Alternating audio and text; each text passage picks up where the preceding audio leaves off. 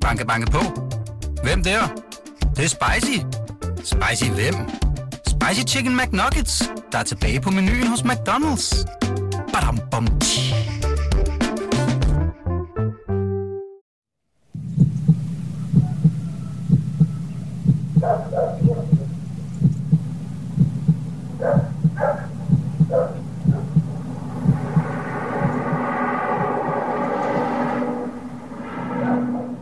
Det var den 6. januar 1993 ved femtiden om morgenen, da lysene fra de to biler fejede hen over vejen mellem byerne Mascalucia og San Pietro Clarenza ved foden af vulkanen Etna.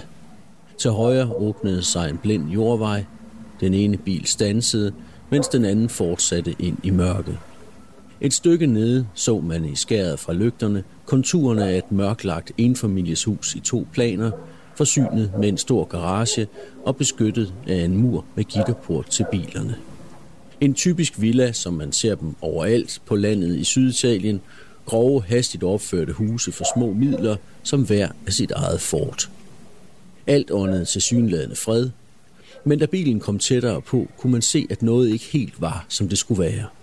Gitterporten stod åben. En eller anden havde haft travlt med at komme væk. Han er der ikke mere, sagde Claudio Samperi og vendte ansigtet bort fra bilruden. Hvordan kan du være så sikker? spurgte undersøgelsesdommeren, der sad ved siden af ham. Den gitterport plejer aldrig at stå åben, svarede Claudio. Da betjentene fra udrykningskorpset kort efter stormede huset, fandt de kun den familie, som i to år havde lagt hjem til Santa Paulas efterhånden 10 år lange flugt fra myndighederne.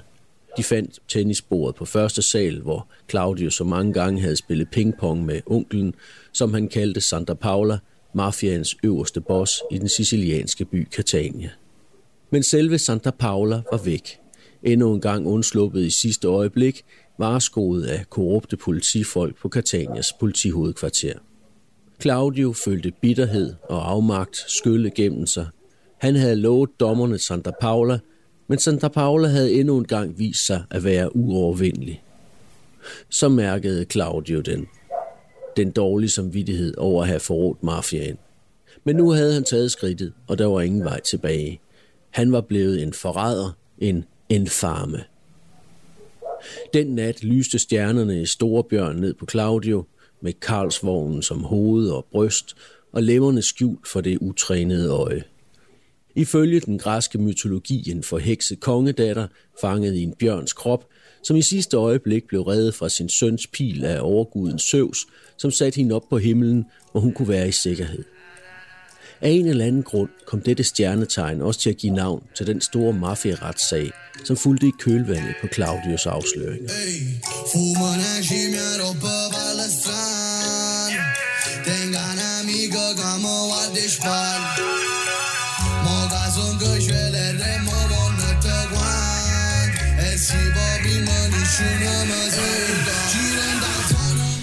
Du lytter til Røverhistorier, en podcast-serie om italiensk mafia og alt det, der hører med. Mit navn er Morten Beider, jeg er journalist ved Weekendavisen, og det her er kapitel 4 i historien om mafiaafhopperen Claudio Samperi. Kapitlet har jeg kaldt På den anden side.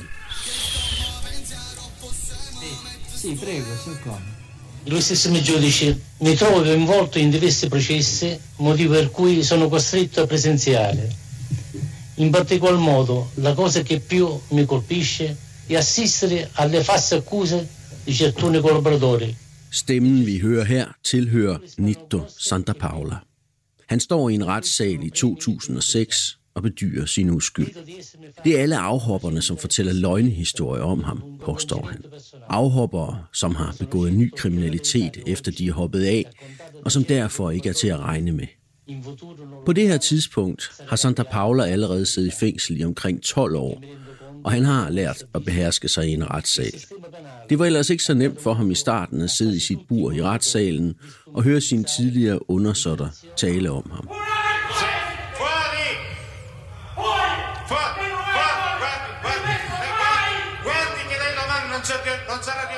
For han blev anholdt til sidst. Nitto Santa Paula. Ikke den aften, da Claudio hoppede af, Men næsten et helt år senere, da han blev fundet i et andet bondehus længere inde på Sicilien. Denne gang var der ikke nogen korrupte betjente, der havde advaret ham. Han overgav sig frivilligt og uden kamp.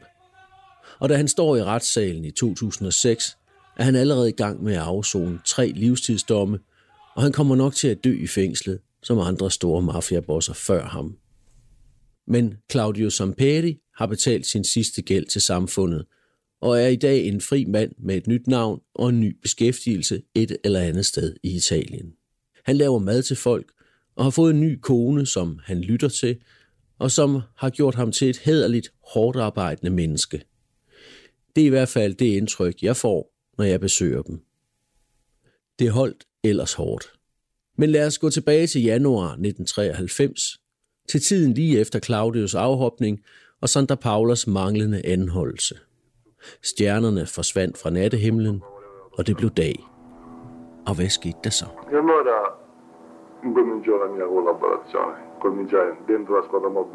Dagen efter begyndte jeg at tale. Og det har jeg i princippet gjort lige siden, når jeg bliver bedt om det. Men det var ikke nemt i starten. Når jeg var alene, jamrede og græd jeg. Jeg var plaget af voldsomme anfald af skyldfølelse og depression. Men hver gang fik undersøgelsesdommerne stablet mig op igen, så jeg kunne fortsætte. Ero in una fase confusionale, nel senso che poi avevo dei, dei sensi di colpa, mi venivano questi sensi di colpa, cadevo un po' in depressione. På politihovedkvarteret fik han også besøg af sin elskerinde og forklarede hende, uden at sige for meget, hvad der var ved at ske. Om hun kunne tænke sig at få et nyt liv med ham langt væk fra Sicilien. Claudio så også sin kone og sin far, og lagde det hele frem så godt han kunne. At hele familien Sampetti nu var i fare for at blive ramt af mafians hævn, og at det var nødvendigt for alle at forlade Sicilien, måske for altid. Dog nævnte han ingenting om, at det var elskerinden, han havde i sinde flyttet sammen med, når han var ude i friheden igen. Hans kone og hans far var knust over, at det liv, de levede med et var forbi. Men de var også enige om, at der nok ikke var andet at gøre. Claudius søskende derimod var mere skeptiske. Men til sidst lod de sig også overtale. Storebror Alfio, som nok havde stridet imod, var i den periode i fængsel igen, så han var ikke noget problem. Indtil evakueringen af hans familie kunne iværksættes, kom alle under politieskorte og bevægede sig ikke uden for en dør uden livvagter. Et par dage gik der. Så kom der endelig grønt lys fra Justitsministeriet, og hele familien Samperi, inklusive elskerinden, blev sat på et fly, der lettede fra Catanias lufthavn med kurs mod Rom. Alle var med ombord. Alle, lige undtagen Claudio, som ikke fik lov til at forlade Catania, før han havde talt færdigt med undersøgelsesdommerne. Fra politihovedkvarteret blev han flyttet til en politikaserne, hvor afhøringerne fortsatte dagen lang. Senere, da en anden mafioso hoppede af, fik han at vide, at mafiaen havde planlagt at myrde ham på kasernen ved hjælp af nogle korrupte betjente og et hold mafiosi forklædt som betjente. Men aktionen blev afblæst, fordi det sidste Santa Paula ønskede var nogle døde betjente.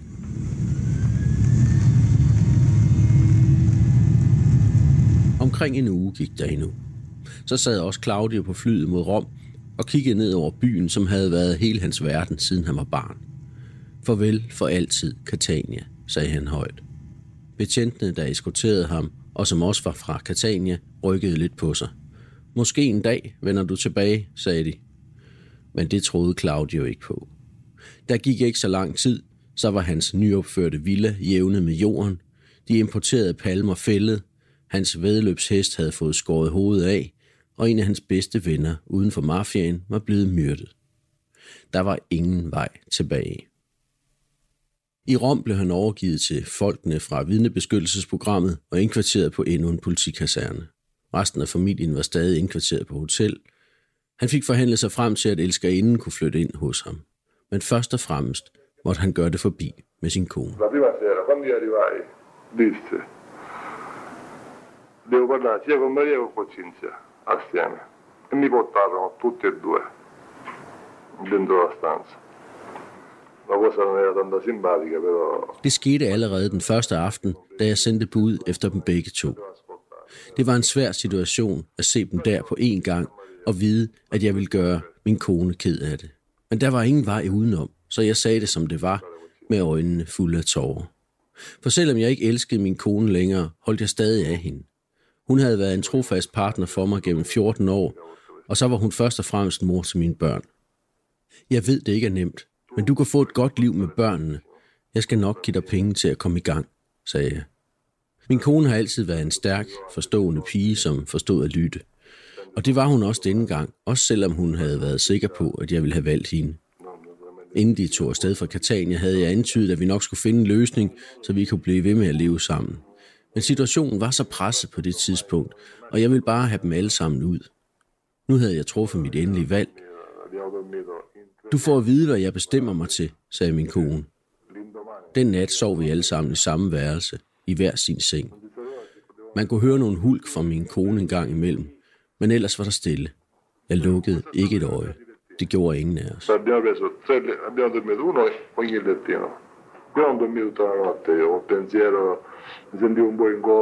Lei. Jeg lå bare og ventede på, at det ville blive dag, så de ville komme og eskortere min kone tilbage til hotellet, for dette var alt for ydmygende over for hende.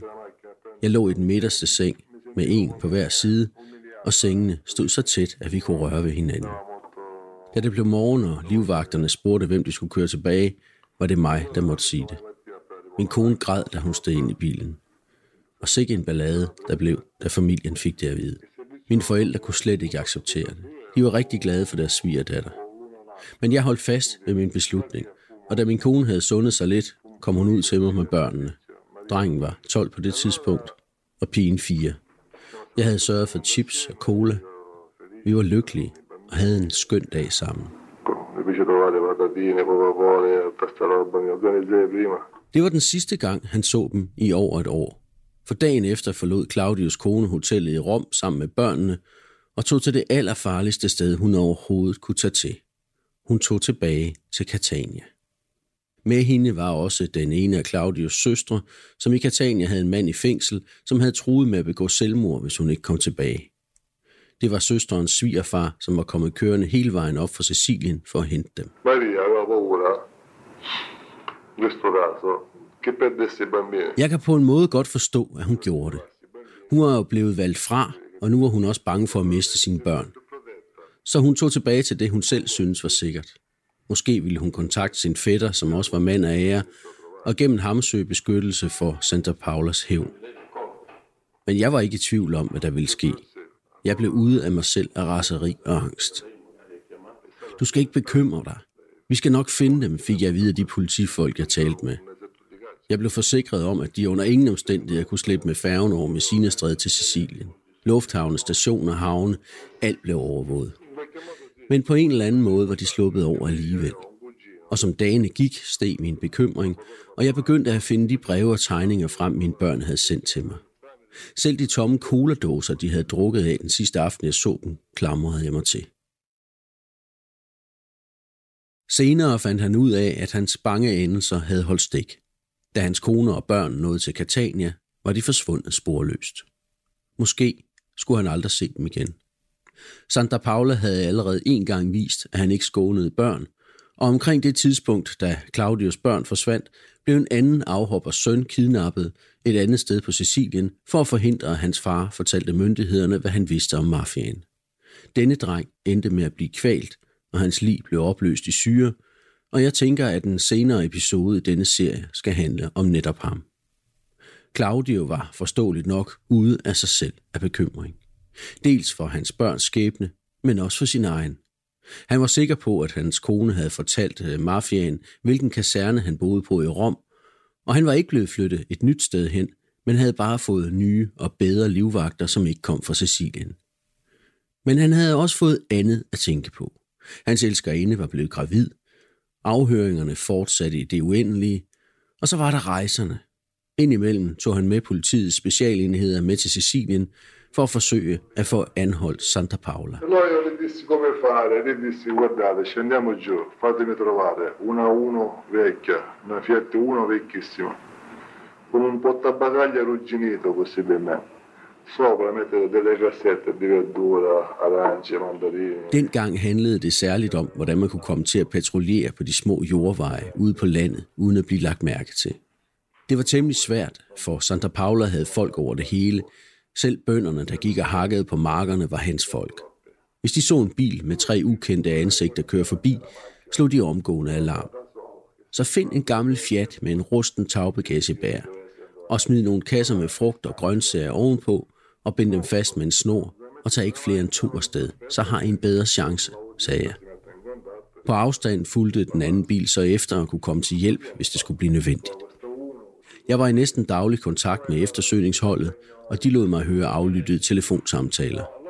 Blandt andet med en af Sandra Paulas sønner, som sagde, at nu tog han ud for at besøge sin far, og så var hele styrken fuldt efter ham over det halve af Sicilien, mens hans mor sikkert var gået ud af bagdøren og var kørt ud for at besøge sin mand. Så jeg gav politiet det råd, altid at lade en bil blive holdende. Og ganske rigtigt, næste gang kom Sandra Paulos kone ud, og hun førte dem til ham. Ud fra min beskrivelse havde de genkendt ham med det samme i kikkerten, da han kom ud fra det hus, han gemte sig i for at give sine hunde mad. Men politiet slog ikke til før tidligt næste morgen i en tophemmelig aktion, som ikke engang politiet i Catania blev varskoet om. Senere talte jeg med en af de betjente, som havde foretaget selve anholdelsen. Han sagde, at det havde været så mørkt i Santa Paulas soveværelse, at han ikke var klar over, om han havde fået fat i den rigtige. Hvilket var temmelig vigtigt at vide, for Santa Paula plejede at sove med en pistol på natbordet. Men så blev lyset tændt, og Santa Paulas kone rejste sig og spurgte, om betjentene ikke ville have en kop kaffe, og hendes mand fik også lov til at gå på badeværelset og gøre sin bagage klar. Men så snart han åbnede munden, begyndte han at tale ondt om mig. Lyt ikke til sådan en narkoman, sådan en søn af en luder.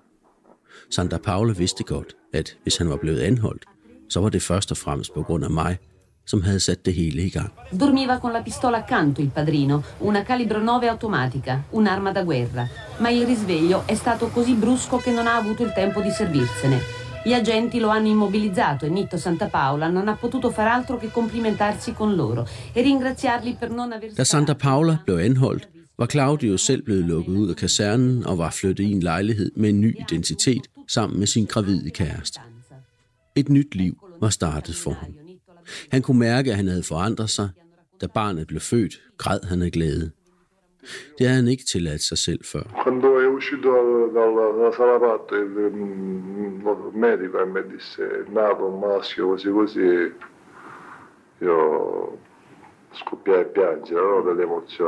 Men det gamle liv var langt fra forbi endnu.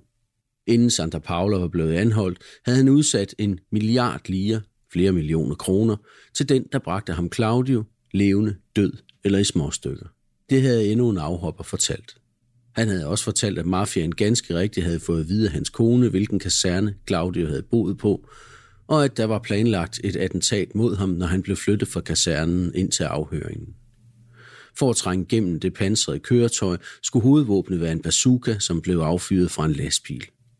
Afhopperen selv havde været udset til at stå på ladet og trykke på aftrækkeren, og så skulle nogle andre på motorcykler tage livet af Claudio, hvis han ikke allerede var død.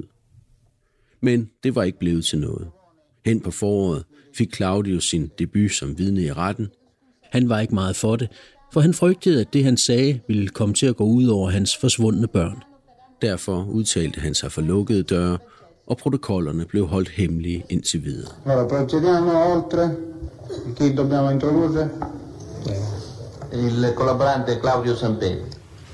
Signor Samperi, lei ha già reso eh, dichiarazioni nell'ambito eh, di diversi procedimenti i cui verbali sono stati acquisiti al fascicolo del dibattimento. Således begyndte jeg at fortælle om alt det, jeg allerede har fortalt til dig. Det sværeste var, da jeg blev nødt til at tale om medlemmerne af min egen gruppe. De havde jo altid været trofaste mod mig, og her sad jeg og forrådte dem. Men det var en løsning, som sikrede min position som samarbejdende eks-mafioso og samtidig holdt mine børn i live. For at de endnu var i live, var jeg ikke længere i tvivl om. I al hemmelighed havde jeg gennem en mellemmand åbnet en form for diplomatisk kanal til mafiaen i Catania. Mellemmanden var en person, som indimellem så mine børn, og som kunne fortælle mig, at de havde det godt. En enkelt gang læste han i telefonen et brev op, som min søn havde skrevet til mig, helt klart under diktat fra en af sine fangevogtere. Kære far, jeg beder dig om at trække alt det, du har sagt, i dig igen. Ellers risikerer vi det værste, for folkene her er onde. En anden gang beskrev mellemmanden min søns armbånd, så jeg kunne være sikker på, at han virkelig havde været hos den. Gennem samme kanal sendte jeg også besked tilbage til mine gamle venner i organisationen. Den lød nogenlunde sådan her. Det er rigtigt, at jeg er en afhopper, en kujon, og at jeg er blevet et stykke lort og et udskud. Men det er også rigtigt, at jeg ikke har glemt, hvordan man bruger en pistol. Og hvis I så meget som krummer et hår på mine børns hoveder, så kommer jeg til Catania og slår jeres mødre ihjel, og hvem I ellers har kær. For de skulle ikke tro, at jeg sad og rystede af skræk. Og jeg mente hvert et ord. Og det vidste de godt. Den meddelelse gjorde indtryk på Cosa Nostra og gav anledning til en del diskussion, fik jeg senere at vide af afhoppere. Der blev holdt et møde, hvor halvdelen gik ind for at slå min søn ihjel omgående, men den anden halvdel sagde, at hvad skal vi så gøre af vores familiemedlemmer? Skal vi putte dem i pengeskab? De kendte mig jo alle sammen og vidste, at jeg ville have været i stand til at gøre alvor af truslerne. Derfor fik mine børn lov til at leve. Io mandavo i messaggi a loro dicendo è vero che io sono un pendio, è vero che io sono un vigliacco, sono diventato un pezzo di merda, come mi volete de- de- de- de- definire, definite. Però è anche vero che non mi sono dimenticato come si spara, ve l'ho detto. Se mi graffiate anche un bambino, anche, proprio un graffio, io vi ammazzo le madri. I mellemtiden begyndte han selv at flyve på dagture til Catania for selv at lede efter sine børn. På det tidspunkt var hans storebror Alfio kommet ud af fængslet igen, og han tog som regel med. Og det var tit ved at gå galt, når de blev genkendt på gaden.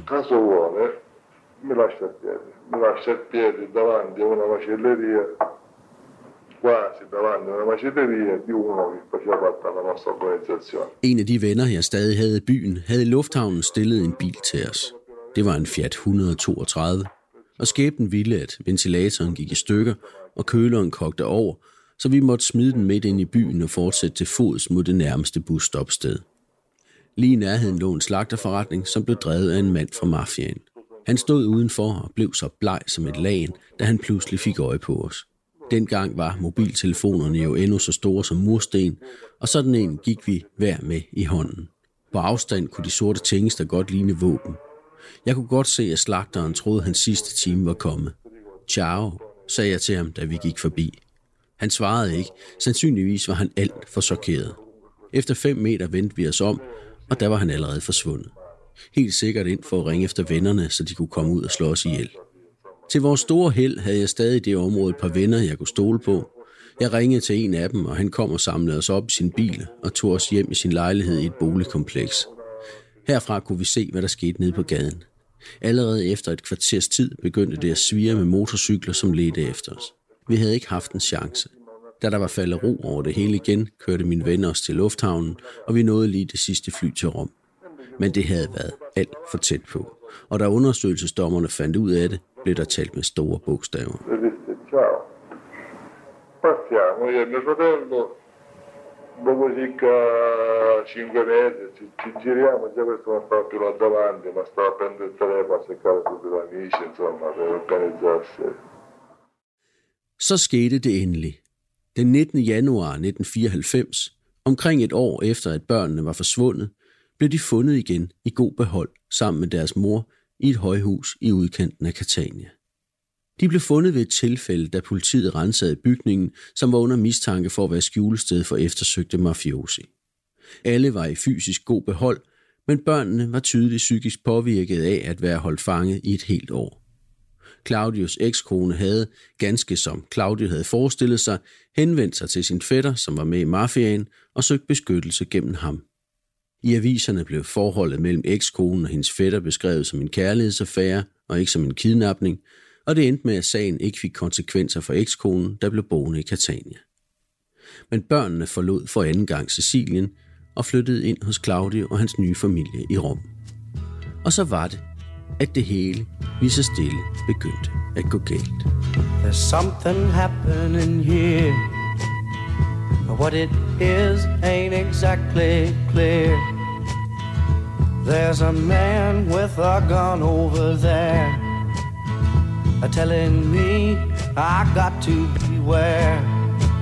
I think it's time we stop. Children, what's that sound? Everybody look what's going down.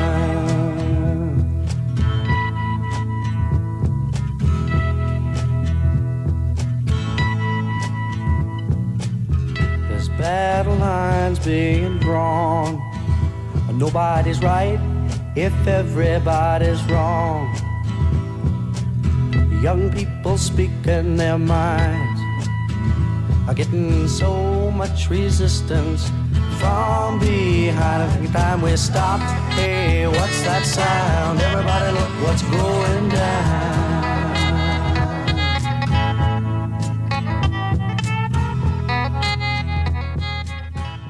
Claudi og hans kæreste havde været vant til en livsstil, hvor der altid var penge nok. I vidnebeskyttelsesprogrammet var vederlaget beskedent, og de millioner, han havde haft på sig i kontanter ved anholdelsen, og som han havde fået lov til at beholde, var hurtigt brugt op på ferie og på spil. Før eller siden ville de løbe tør for penge. Claudio søgte myndigheden om tilskud til at åbne en virksomhed. Parlamentets antimafia-kommission så positivt på sagen, for Claudio samarbejdede jo på fuld tryk. Han rejste hele Italien rundt og vidnede i stort set alle de retssager, hvor han havde noget at bidrage med. Men så kom der et valg. Det politiske flertal vippede, og stemningen skiftede og blev mere fjendtlig over for de efterhånden mange eks-mafiosi, der var gået over på myndighedernes side. Statens pengekasse blev smækket i, Claudius planer om at åbne sin egen virksomhed røg i vasken, og samtidig var der ikke flere penge på hans egen kistebund. Og hvad skete der så? Så var det, jeg støtte ind i en fyr fra Catania, en mafia-afhopper som jeg selv, der også havde udført en masse mor for Santa Paula. Det var en god fornemmelse at se ham ude og på samme side som jeg selv. Også selvom vi ikke havde været tætte, da vi var mænd af ære. Vi havde begge været soldater, men under hver sin delingsfører, og mellem os havde der altid været en vis konkurrence om, hvem der tjente flest penge. Vi mødtes på en bar lige uden for den politicentral, som administrerede afhopperne. Han var i stort set samme situation som jeg selv, havde forladt sin første kone osv. Inden vi skiltes, udvekslede vi vores telefonnummer og aftalte snart at mødes igen. Og efter nogle gange sagde han, vi kan vist lige så godt holde op med at håbe på, at vi får flere penge ud af staten. Hvorfor organiserer vi ikke et eller andet? Jeg mener et eller andet røveri. Han havde solgt sit hus på Sicilien og havde fået lidt penge ud af det, men de var ved at være brugt på dyrt tøj til ham og hans nye kone. Hold nu op. Tænker du stadig på sådan noget, svarer jeg. Men den begyndte alligevel at køre ind i hovedet på mig. For jeg manglede jo også penge. Og der gik ikke lang tid, før jeg bad min bror Alfio om at organisere et eller andet for os. Alfios første reaktion var magen til min egen. Er vi nu også helt klar over, hvad vi gør? sagde han. Men vi pressede på, og så gav Alfio til sidst efter og gav sig til at lede efter en passende bank. Vi fandt også endnu en mand til jobbet, som var endnu en afhopper fra Catania, og så var vi fire. Lui era correntista in una banca, sì, da di fronte Montecitorio, proprio di fronte. Den første bank, vi røvede, var en Casa di Risparmio della Marche, som lå i Roms centrum lige over for det italienske parlament. Det pigede os at røve lige netop den bank, for den lå så tæt på parlamentsbygningen, at man ikke kunne komme der til med bil. Desuden vrimlede det med politi over det hele på grund af politikerne. Der var betjente alle vejene, selv til hest. Af samme grund havde banken ikke sine egne vagter. Man anså det ganske simpelt for utænkeligt, at nogen ville være så dumdristig at røve den, og så havde man undgået den ekstra lønudgift. Det var der heller aldrig sket før. Så vi tog det som en stor professionel udfordring at slippe afsted med det. Det gik helt efter planen. Ingen kom til skade, og de kom afsted med, hvad der svarer til en kvart million kroner.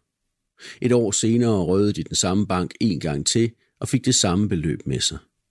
Lidt senere røvede Claudio og Alfio sådan en bank uden de andre, og de var ved at røve en fjerde, da de blev anholdt. Det var fjerdemanden fra det første røveri, som havde angivet dem. Da det kom frem, at en gruppe afhoppere havde brugt den frihed, de havde forhandlet sig til hos myndighederne til at begå ny kriminalitet, vagte det stor skandale i Italien.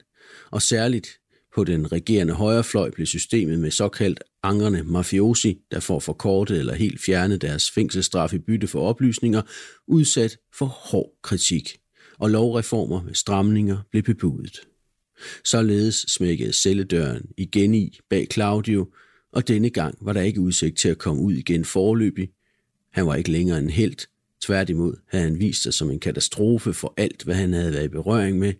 I realiteten havde han intet tilbage at handle med. Eneste lyspunkt var, at hans familie fik lov at fortsætte i vidnebeskyttelsesprogrammet. Og det er så her, jeg otte år senere møder ham hjemme hos hans forældre under en udgang, han er blevet bevilget for god opførsel. Jeg spørger ham, om han har angret sine handlinger. For i Italien kaldes de mafiosi, der går over på myndighedernes side for pentiti, angrende. Men hvor angrende er han i virkeligheden? Mi sono pentito, ma, ma di che? Pendi- il pentimento secondo me quando uno si pende davanti a Dio, certo, di tante cose mi sono pentito. Però voglio dire, non è che una mattina mi sono svegliato e ho detto mi pento davanti a Dio perché... Når man angrer sine handlinger, gør man det foran Gud. Det har jeg også gjort. Men det er ikke foregået sådan, at jeg en morgen vågnede op og angrede mine handlinger som mand af jer. Slet ikke. Der er mere tale om en langsom erkendelse, som stadig er i gang. Dette har dog intet som helst med mit samarbejde med myndighederne at gøre. Jeg gik over på den anden side, fordi jeg ikke ville myrde mine egne søskende. Ikke fordi jeg angrede mine handlinger. Man kan måske sige, at jeg begyndte at samarbejde, så jeg ikke skulle komme til at angre mine handlinger. Mest af alt angrer jeg, at jeg har slået ihjel. Den anger begyndte i fængslet, hvor jeg stadig går til messe, når jeg kan.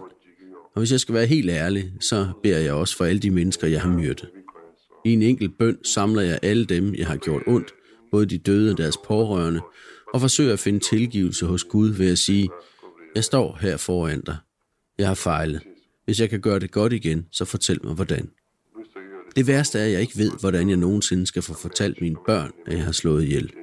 Ingen af dem ved det, hverken de store eller de små. Jeg lever i angsten for, hvordan de vil reagere, når de finder ud af det. Jeg kan derimod ikke sige dig, at jeg angrer min fortid som mand af jer som sådan, for det gør jeg ikke.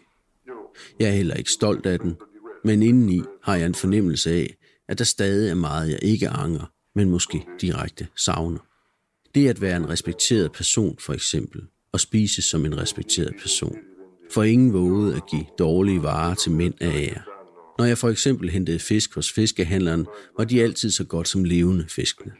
Ikke fordi jeg ville slå fiskehandleren ihjel, hvis han havde forsøgt at snyde mig, men han kom måske til at betale beskyttelsespenge, eller han fik brændt sin butik af.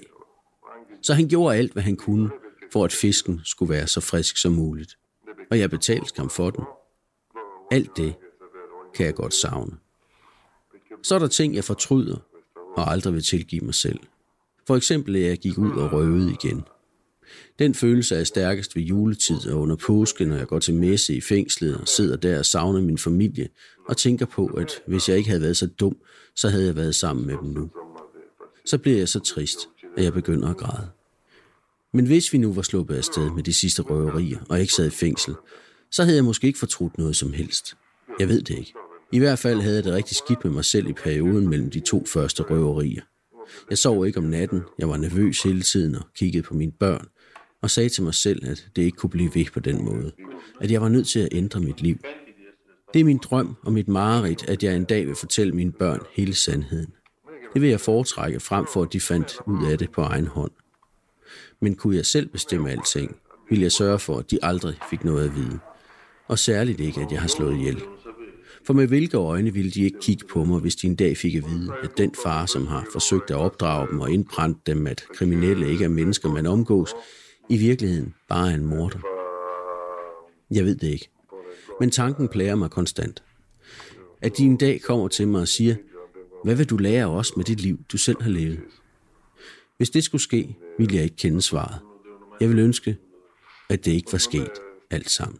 Perché mi vergogno, non, so, non, non, non, non sarei, non so il, i miei figli sapendo questo che con quale più con quale eh, occhio insomma potrebbero guardarmi, non lo so. Vi gør noget, vi ikke har gjort før. I stedet for at tage kaffen i køkkenet, går vi ned på en bar i nærheden af hans forældres lejlighed. På vejen derhen kommer vi forbi en bank, der holder en pansret varevogn udenfor. Vagterne er ved at læse bilen for pakker med øjersedler, omviklet med cellofan. Vi ser det begge to og kigger i et splitsekund på hinanden. Jeg aner et smil omkring hans mund. Og jeg mærker selv et sug af et eller andet, jeg ikke har mærket før. Så drikker vi kaffen og går tilbage til lejligheden, hvor jeg efterlader ham i stuen hos sine forældre en dag for efterhånden mange år siden.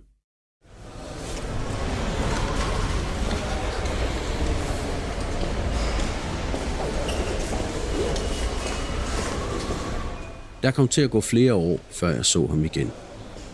Han flyttede fra Rom og til en anden stor by, hvor jeg besøgte ham i forbindelse med optagelserne til en dokumentarfilm, og senere, når jeg ellers var i nærheden på reportagerejse, sådan som det stadig er i dag. Men der gik lang tid imellem i starten. Skal jeg være helt ærlig, så var jeg aldrig helt tryg ved ham. Jeg ved, at han efterfølgende blev skilt fra sin gamle elskerinde, som var blevet hans nye kone, og at også den nye familie, han havde dannet med hende, blev splittet. At han fik en ny kæreste, en lokal pige, som fik sat skik på ham, og så det gode menneske, der gemte sig dybt inde i ham. Da jeg så ham igen efter en del år, kæmpede dette menneske stadig med at komme ud. På det tidspunkt havde han netop åbnet en restaurant et andet sted i byen, og de tidligere lejere af stedet var mødt op efter lukketid for at forhandle om nogle ubetalte elregninger. Jeg sad i den anden ende af spisesalen og fik min frokost, men jeg kunne se, at Claudio og de tidligere lejere diskuterede ivrigt omkring et bord, og at de tidligere lejere pludselig blev stille og så lidt blege ud. Da de var gået igen, spurgte jeg Claudia, hvordan det var gået. Det gik sådan set meget fint. I starten ville de ikke betale deres elregninger, men så sagde jeg til dem, at jeg virkelig håbede, vi blev enige, for ellers havde jeg en dårlig vane med at lave små huller i hovedet på folk og suge deres hjerne ud med sugerør. Så blev vi enige, sagde han og grinede. Ved den lejlighed tænkte jeg, at det nok var et spørgsmål om tid, inden han sad i et fængsel igen, som sin bror Alfio, hvis liv enten består i at røve banker, eller afzone straffen for at røve banker. Da jeg sidst mødte Claudio, havde han ikke længere kontakt med sin bror, som han mener har dårlig indflydelse på ham, og han koncentrerer sig helt og holdent om sin forretning om at lave mad til folk. Man indser ham knap nok, når man kommer ind på restauranten, et hårfattigt hoved med tørklæde omkring, bøjet over gryderne i køkkenet bag ruden. En anonym kok, som tusindvis af andre, umulig at finde, umulig at udpege. Langt om længe ser det ud til, at Claudia endelig er blevet til et menneske. Eller rettere, at mennesket i ham har fået lov at leve. For, som der står i Hermann Hesses roman Siddhartha, et menneske eller en handling er aldrig helt samsatter eller helt nirvana. Aldrig er et menneske udelukkende dydet eller helt syndigt. Den sætning vil jeg vende tilbage til senere i denne serie. Jeg har ofte hørt italienere, jeg ellers regner som værende fornuftige og besindige, påstå, at sicilianere har et særligt mafiagen. At sicilianere fødes med mafiaen i blodet. Måske er det blot en behagelig skrøne, en fordom, der dækker over, at mafiaen kan slå rødder i et hvert samfund, hvor staten er fraværende eller statsapparatet korrumperet. Og på Sicilien har den italienske stat sjældent været til stede som andet end en distræt hersker, som under tiden har været mere interesseret i at slå en handel af med de kriminelle, end at sikre sine borgers rettigheder. Hvilket vi også kommer til at høre mere om senere i denne serie, som kun lige er begyndt. Fisken lugter fra hovedet, som man siger på napolitansk. Obesce, fede da agapa. Historien om Claudio Sampetti er måske blot en alt for almindelig hverdagsfortælling, som vil gentage sig selv, så længe der er drenge som Claudio og Alfio og byer som Catania i lande som Italien. Du har lyttet til Røverhistorie, en podcast-serie om italiensk mafia. Femte og sidste kapitel i denne sæson handler stadig om familien Samperi, men denne gang er det resten af familien, som får ordet. Claudios far og mor, hans søn og hans bror. Mit navn er Morten Beider, og jeg er journalist ved Weekendavisen.